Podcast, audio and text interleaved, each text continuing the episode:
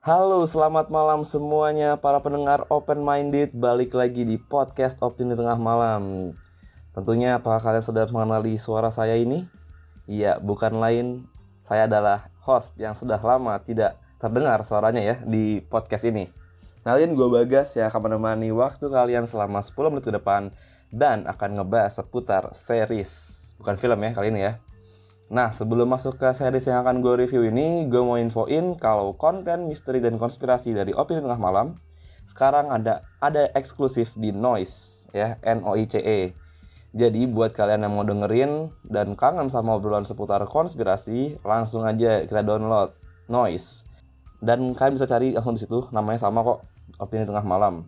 Oke, kalau gitu hmm, nggak hmm, perlu banyak berbahasa basi lagi mungkin gue ya Hari ini gue akan ngebahas series yang udah lama sebenarnya ya. Tapi sekarang nih lagi trending banget. Gue akan ngebahas series Girl From Nowhere. Tahu nggak? Tahu nggak? Tahu nggak? Nah ini series udah lama sebenarnya rilisnya ya. Tapi eh, baru-baru ini tuh lagi pada senang banget orang sama series ini. Dan gue juga termasuk salah satunya ya, baru ngikutin. Girl From Nowhere dirilis pada 8 Agustus 2018 Nah, kalau kalian ngomongin sutradaranya nih, uh, no offense ya, uh, ya kita kita bisa relate sendiri lah ya. Para nama-nama orang Thailand tuh agak ribet sebetulnya. Dan memang kebetulan juga direktornya ini tuh uh, bukan satu orang doang. Jadi diproduksi oleh tiga grup. Ada GMM Grammy, Jungka Bangkok, dan Sour Bangkok. Gue nggak tahu itu baca Sour atau apa, tapi yang jelas S O U R Bangkok. Nah ini diperankan oleh ini wanita ini lagi banyak banget digemari oleh para kaum madam ya. Cica Amatayakul sama Tris Ren. Nah, ini dua orang ini tuh dia meranin satu peran uh, namanya Nano kalau di film eh di series ini. Loh, kenapa cuma ada dua orang doang? Kok dia bisa dua orang itu bisa meranin satu peran si Nano doang? Nah, itu ntar bisa terjawab mungkin di episode 2 ya. Kenapa dua orang bisa meranin satu peran gitu loh. Soalnya karena emang ini episode berbeda-beda ceritanya, otomatis orangnya juga berbeda-beda. Uh, ah, gue ada beberapa fakta menarik dari series ini. Bagi gue, fakta menarik dari series ini itu series ini punya cerita yang berbeda di masing-masing episodenya. Jadi, which is episode 1 ke episode 2 itu nggak ada kaitannya dan itu benar-benar cerita yang berbeda. Nah, jadi sinopsisnya ini ada seorang gadis misterius yang bernama Nano yang diperankan oleh Cica Amatayakul dan Trisren merupakan sebuah siswa baru, sebuah dong, seorang siswa baru di suatu sekolahan dan kerap kali berpindah-pindah sekolah pada setiap pada setiap episodenya. Nano mengungkap misteri kebohongan atau kejahatan yang sedang terjadi pada sekolah tersebut, mulai dari pemerkosaan, bullying, dan masih banyak lagi. Jadi, gimana ya? Dia pindah-pindah sekolah mulu, coy. Misterius banget makanya namanya grow from nowhere. Nggak tahu asal usul dari mana bibit bibit bobotnya nggak ada gitu loh. Yang jelas dia baru masuk sekolahan terus langsung ngungkap misteri. Pantesan aja dia pindah-pindah sekolah mulu ya. Nah buat kalian nih uh, kenapa kalian semua wajib buat nonton series ini?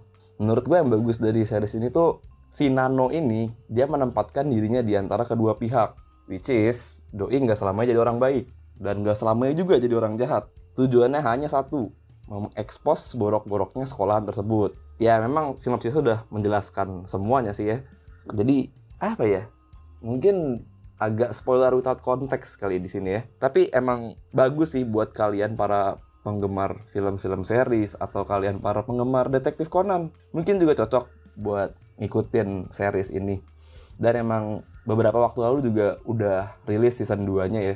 Nah, tadi kan kita udah ngebahas sisi positifnya dari film ini ya, kelebihan film ini. Nah sekarang ada nggak sih bang, ada nggak sih kak uh, minusnya dari film ini negatifnya? Negatifnya atau kurangnya ya? Kalau kurangnya gue pribadi sih kurang suka karena di tiap episode dia berubah-ubah ceritanya, gue jadi ngerasa oh ya udah paling di episode selanjutnya ya gitu-gitu doang kok kebaca gitu. Kayak karena emang mungkin gue orangnya juga nggak banyak drama ya di kehidupan gue anjay. Jadi gue ngerasa kayak ya gitu aja. Episode ini ada masalah eh dia baru dia baru masuk sekolah nemuin masalah terus dia nge-expose udah kelar kayak gitu dan di next episode juga gue bakal mikir kayak gitu terus terus ya kan cuma ya balik lagi ke hobi kalian guys asik guys kalau saat emang kalian tertarik buat nonton ya silahkan ditonton Ini tadi opini pribadi gue aja sebenarnya sih ya. Namanya juga opini tengah malam ya. Gue yakin kok kalian para pendengar juga uh, lebih open minded menerima opini gue. Asik. Nah, ini ada hal yang menarik dari film ini yang gue suka. Beberapa dari episode Girl From Nowhere itu diangkat dari kejadian nyata yang dialami oleh perempuan sekolahan di Thailand. Wow, ini menarik banget bagi gue.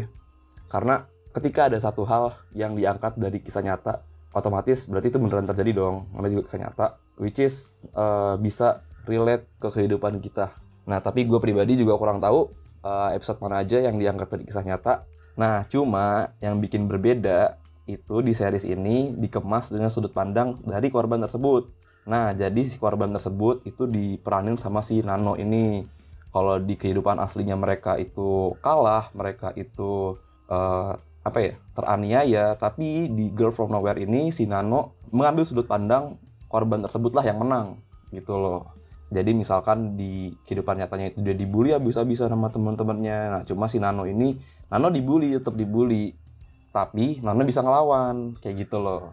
Terus uh, oh iya nih, ada favorit adegan gua itu pas di season 1, episode 1. Bener-bener awal banget itu yang bikin gua jadi ngikutin series ini.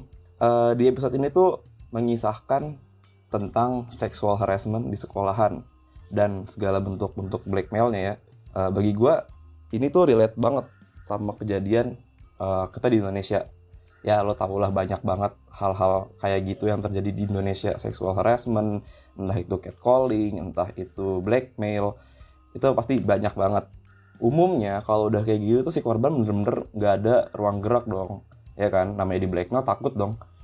Nah cuma si Nano ini mm, mengisahkan tuh bener-bener cerdik banget gitu loh dan bikin ya udah lu nge-harass nge-sexual harassment gua tapi lu nerima konsekuensinya dari gua karena gue cerdik gitu. Gue bisa ngelawan di di episode satu di episode satu ini. Terus gue nonton itu pas gue ngeliat kayak langsung kayak anjir keren lu keren. Pantasan teman-teman gue pada demen sama lu gitu kan. Ya emang cakep juga sih. Terlebih dari semua itu hmm, season 1 episode 1 ini adalah yang mengawali gue untuk mengikuti dan melanjutkan series-series ini ya gue benar-benar puas banget uh, ngelihat storynya di sini. Si Nano itu mengakali blackmail orang-orang itu kayak gimana. Terus juga gue kaget gitu ngelihat dia ketawa terbahak-bahak gitu loh. Padahal awalnya dia diem diem diem. Tiba-tiba ketawa ngakak anjir. Itu creepy banget sih. Tapi keren lah. Nggak disangka-sangka kayak gitu-gitu. Dia kayak joker gitu tiba-tiba ketawa. Kan creepy dong. Kalau untuk scoring hmm, bagi gue 8 per 10 menurut gue karena emang relate sebenarnya sih Nah, itu tadi review dari gua.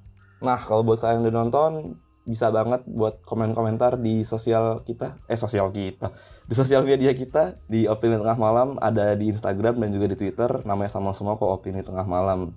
Jangan lupa juga buat subscribe YouTube kita Opini Tengah Malam karena segala konten film dan konspirasi ada di situ. Mau infoin juga buat kalian yang kangen sama diskusi konspirasi kita, bisa langsung aja download aplikasi Noise N O I C E. Nah, itu kalian bisa langsung dengerin di situ ada banyak banget konten-konten konspirasi yang bisa kalian dengerin. Oke, kalau gitu para pendengar open minded, selamat malam dan sampai ketemu di episode selanjutnya. Bye bye.